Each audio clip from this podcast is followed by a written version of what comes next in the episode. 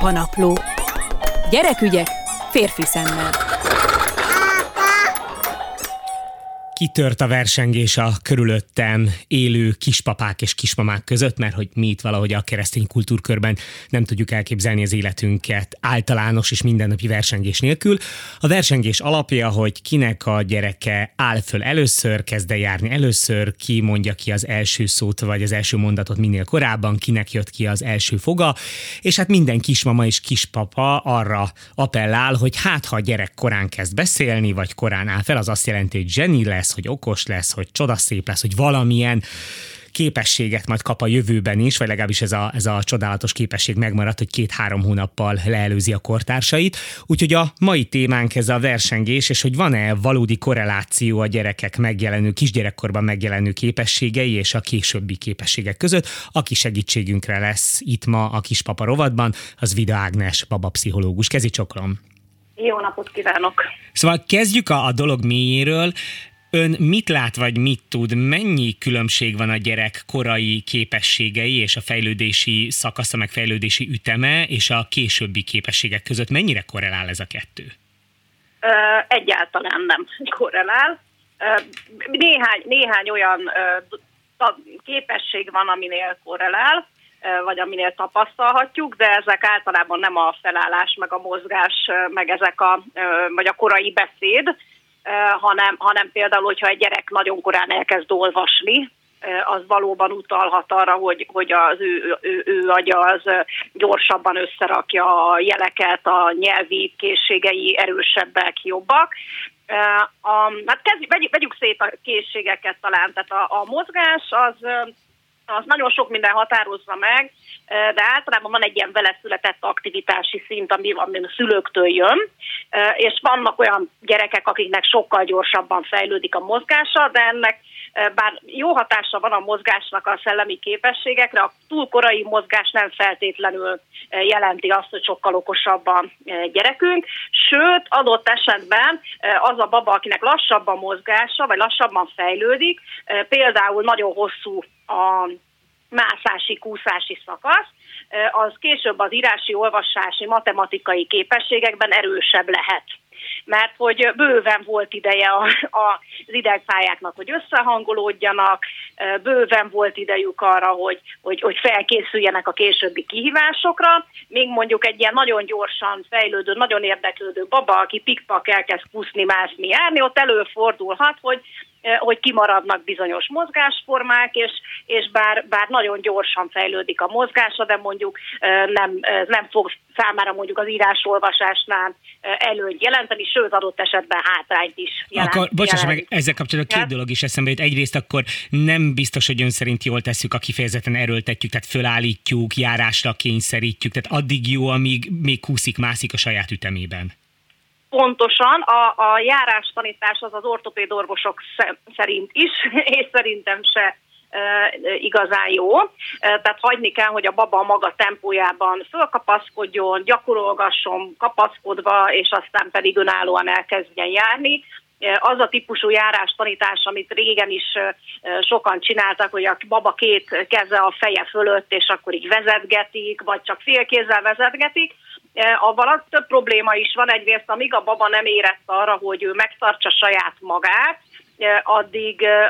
addig az izomzata se érett rá. Tehát ugye a baba gyakorlatilag minimális izomzattal születik, és neki kell kigyúrni a saját kis izomzatát, amiben benne, benne van az is, hogy ugye meg kell tartani a teljes gerinc oszlopának a súlyát, tehát neki kell egyenesen tudnia állni, neki kell olyan karizmokkal rendez, rendelkezni, hogy tudjon kapaszkodni, és a járáshoz ehhez még szükség van arra is, hogy kifejlődjön a talpizomzat, azt viszont csak úgy tudja fejleszteni, hogyha ő rájön, hogy hogyan, hogyan kell éppen a, a, egyensúlyozni a, a talpacskámmal, és hogyha mi ott vagyunk mellette, és, és tartjuk, akkor ugye egy ilyen rossz egyensúlyi helyzetet szok, szokik meg a baba, mert ugye anya, apa mindig segít egy kicsit jobbról támogat, balról támogat, tehát sokkal többet fog esni, és kevésbé fejlődik az egyensúly érzéke. Azért azt tudni kell, hogy a sok kúszás, mászás az nagyon-nagyon jó egyensúlyérzéket fejleszt a gyerkőcnek, ami majd később lesz jó, amikor biciklizni tanul, meg amikor fél lábon kell állni, meg tornászni kell könnyebben, tehát sokkal jobban fogja tudni mindent, ami, ami az egyensúlya összefügg, és aztán ez aztán később az írási készségeknél, meg a rajzolásnál barkácsolásnál nagyon jó készség lesz. Ja, és a második dolog, mielőtt elfelejtem, hogy jól értettem, hogy ha nagyon korán elkezd mozogni a gyerek, akkor azért sem érdemes arra gyanakodnunk, hogy hú, majd milyen szuper képességei lesznek, mert lehet, hogy csak annyi, hogy van két hiperaktív ö, szülei, vagy apja, anyja, és őket utánozza, hogy felveszi ugyanazt az életritmust, mint ők? Hát gyakorlatilag igen, tehát az aktivitási szint az beleszületett. Vannak olyan babák, akik az első pár hetet végig alusszák, és utána is ilyen szépen lassan, komótosan fejlődnek, és ugye vannak olyan babák, akik kezdettől fogva a kezük, lábuk jár, érdeklődnek, nézelődnek, nagyon hamar elkezdenek úszni, mászni, járni maguktól, tehát anélkül, hogy bármit tennénk, és ők sokkal megelőzik a korukat a, a mozgásban, de például megfigyelhető, hogy például a beszéd területén meg egy kicsit lassabbak, és ez egyszerűen csak abból fakad, hogy ő ilyen természet, tehát aktíva fizikailag. Általában kisebb méretű babák is az átlagosnál, vagy átlagos termetűek, tehát hogy könnyebb is nekik. Nyilván egy ilyen jó evő komótosan fejlődő baba 8-9 kilót nem olyan egyszerű megmozgatni, mint, mint mondjuk egy 7 kilós babának a, a súlyát, tehát ezzel is összefügghet a, a baba súlyával, de alapvetően ez egy vele született készség, és, és, és akkor ugye ez, ez, a, ez a mozgás rész, mert mondta, hogy érdemes külön képességek szerint nézni, ott van a verbális rész. Van olyan barátom, aki most, hogy a gyerek már másfél évesen szinte folyékonyan beszél, már elkezdte fizetni az első ösztöndi részletet az Oxford Egyetemre, mert hát nyilvánvalóan a gyerek zseni lesz. A beszéd az egy nagyon összetett folyamat, tehát ahhoz, hogy ő beszéljen, egyrészt megfelelő arcizomzat kell Azoknál a babáknál, akiknél például gond volt a mozgással, hipotón volt, ugye nem, nem volt elég jó az izomzata, és már ott esetleg kellett egy kis segítség, vagy korababa volt, és ezért volt egy kis oxigénhiányos állapot. Ugye kicsit lassabban, lehet, hogy már a fejében ott vannak azok az okos gondolatok, de még nem tudja összerakni a szavakat, mert nem elég erősek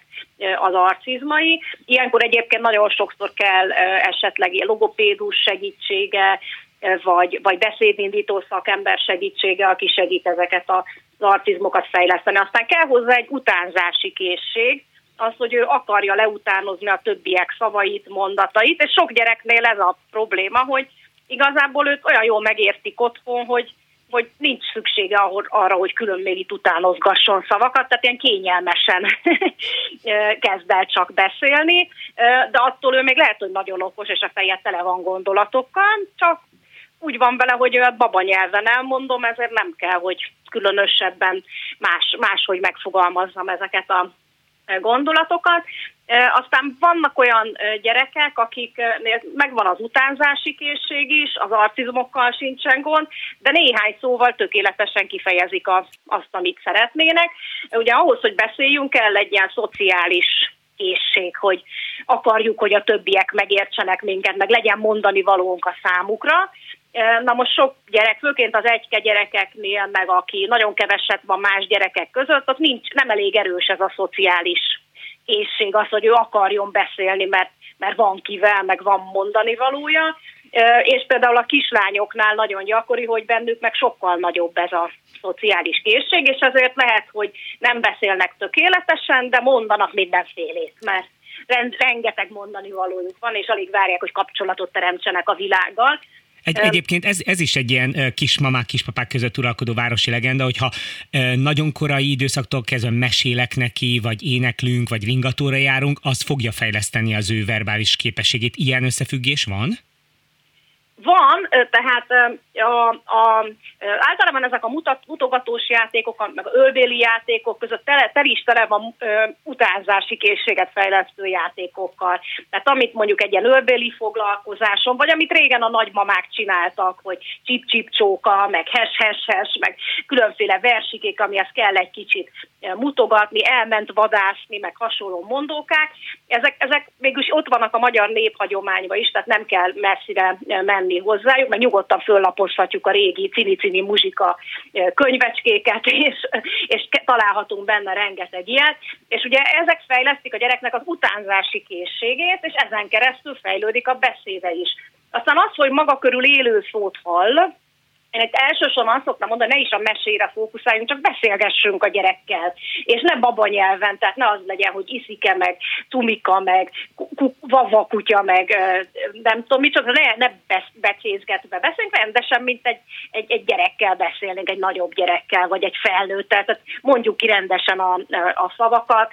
és ne akarjunk ilyen babanyelvbe átmenni, mert akkor kezdettől fogva látja, hogy van értelme beszélgetni, anya is elmeséli, hogy most éppen mit csinál körülött, előttem, elmeséli, hogy most éppen mit főz, meg mit, mit végez, meg mi lesz most, tehát hogy beszélgessünk vele nyugodtan már újszülött kortól, és akkor emellett bejöhetnek a mesék,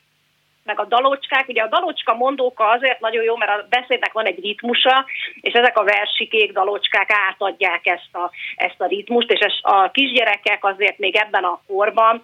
inkább a beszéd ritmusára fogékonyak, meg ugye nagyon sokszor, amikor egy mondókát mondunk, akkor egy kicsit eltúlzunk szavakat, a mimikánk, a gesztusaink követik ezt, és a kisgyerekek ebből jobban értenek, mint a nyelvhangzóiból, tehát, hogy nekik az is fontos, hogy most a fúj a szél és jön a vihar, akkor dühösek vagyunk, tehát, hogy milyen érzelem, meg milyen arckifejezés társul hozzájuk. De egyébként, ha, így... ha visszamegyünk az alapkérdésre, akkor bennem egyre inkább az körvonalazódik, ahogy így mesél, hogy annyira összetett a dolog, és annyira sok minden függ a, a szülők viselkedésétől, habitusától, a gyerek hozott anyagán is annyi múlik, hogy szinte megállapíthatatlan az első két-három évben, hogy aztán ez milyen gyerek lesz később, vagy csak nagyon kevés jel utal erre nagyon kevés elutal mondom, az ilyen összetettebb képességek, hogyha nagyon hamar jelentkeznek, például az olvasást. Találkoztam olyan három éves gyerekkel, aki tudott olvasni, és ő magától akarta, tehát nem a szülő tanítgatta, meg könyörgött, meg az mondjuk négy-öt éves gyerekeknél gyakori, hogy le tud írni egy-egy betűt, mert, mert látja, le tudja utánozni a formát, ez egy nagyon jó dolog, de nem azt jelenti, hogy ő írni, olvasni fog mire iskolába megy, egyszerűen csak néhány betűt le tud utánozni, mert tetszik neki, meg látja, hogy mindenki megdicséri érte. És azt is fontos látni, és erre rengeteg példa van, hogy az, hogy egy gyerek esetleg sokkal gyorsabban fejlődik a szellemi készségek területén, vagy esetleg osztályt ugrik, mert annyira okos, vagy rögtön második osztályba veszik föl, vagy hasonló. Ezek nem feltétlenül jelentik azt, hogy mondjuk a felnőtt életben ő, ő sokkal többet fog elérni, és, és zseni lesz felnőtt korában is, és ugye erre volt néhány példa, aki ilyen zseni gyerek volt, de aztán egy teljesen átlagos felnőtt lett belőle. Szóval folyik a verseny, de akkor ezek szerint ez, ez még sok mindenre nem megy ki, már mint a kispapák és kismamák közötti verseny, és akkor se kell megijedni, a gyerek a lehető legátlagosabban fejlődik a, a leírt védőnök által kiosztott füzet szerint, mert akkor is még bármi lehet belőle. Pontosan, nagyon sok olyan képesség van, amit a gyerek később tanul meg. Lehet, hogy csak az általános iskolában valamikor derül ki, hogy ő például nagyon jó, nagyon bátran és ügyesen beszél közönség előtt, és, és ezzel tud valamit kezdeni, vagy sokkal tisztábban és, és jobban fejezik ki magát, és vagy nagyon jól tud segíteni másoknak, és nagyon empatikus, és egy csomó ilyen készség van, ami lehet, hogy csak a középiskolába fog előkerülni, vagy csak felnőtt korba jön rá a gyerek, és akkor kezdi el majd fejleszteni. Itt ami fontos, hogy amikor ő valamiben jó és szereti, akkor azt engedjük neki. Tehát ne az legyen, hogy hogy ne akarjál már te, nem tudom én, zongorázni, mert, mert nehogy már művész legyél, mert az milyen szakma, mert tehát ez legyen a hozzáállás, hanem inkább támogassuk, és ne akarjuk semmit korára erőltetni, ami nagyon gyakori szülői hiba. Megint csak, hogy a gyerek szeret egy kicsit labdát rugdosni, és akkor rögtön elképzeljük, hogy ő majd focista lesz, vagy szeret úszni, és akkor már ott látjuk a vízilabda válogatottban mert nem ez a cél, hanem hogy fejlődjön sok oldalon, próbáljon ki több dolgot, tapasztalja meg a maga képességeit, és tanulja meg, hogy mi az, ami, amiben ő igazán jó, és abba fejlődjön tovább. De ezt, ezt nem szabad kiskortól ráerőltetni a gyerekre, mert aztán nagyon sok kudarc élménye lesz, és nem minden úszni szerető gyerekből lesz aztán olimpiai bajnok. Jó, számomra ez azért megnyugtató, és remélem sok kismama meg kispapa számára is, mert látom a másik oldalt is, mert vannak, akik mondják, hogy az enyém már hol tart és mit csinál, és vannak az ettől befrusztrálódók, aki úristen, akkor az enyém még miért nem mászik, miért nincsen még foga, miért nem beszél, akkor biztos valami baj van vele, akkor úristen később is majd ilyen marad, de hogy hát teljesen fölösleges befrusztrálódni. Gyakorlatilag igen, tehát én is találkoztam olyan kislányjal, aki egy évesen elénekelte érthetően a zsibzsukkender zsupot, és akkor nekem is akkor volt ilyenkorú gyerekem, tehát egy kicsit így meglepődtem, mert az enyém még ott tartott, hogy anya, apa, és akkor, tehát ilyenkor az ember nyilván elgondolkodik, hogy, hogy vajon mit rontotta le, de nem, egyszerűen ő egy átlagos, átlagnál jobban fejlődő gyerek volt, és minden gyereknek van egy-egy olyan területe, ahol jobban fejlődik, csak nem biztos, hogy az pont benne van a védőnök kiskönyvében, amit mi észreveszünk rajta. Tehát például nagyon sok baba nagyon empatikus, és így hamar megtanulja, hogy óvatosan nyúlunk a cicához, kutyához, meg átérez, átérzi másoknak az érzéseit, meg simogatja a síró kisfiút, és ez is egy fontos készség, csak ez nincs benne a kiskönyvben, hogy mondjuk az empátia az egy fontos készség, és még nagyon sok ilyen van. Van olyan gyerek, akinek a humorérzékel sokkal jobb, van olyan gyerek, aki az állatokhoz, állatokkal ér, sokkal jobban megérti magát, és ez érdekli. Tehát nem baj az, hogyha így sokoldalúak a, a gyerekek, és mindenki egy picit másban jó. Vida Ágnes baba pszichológusnak nagyon szépen köszönöm a mai segítséget itt a Köszönöm Apa Napló rovatban. Kezi csakolom. Viszontlátásra.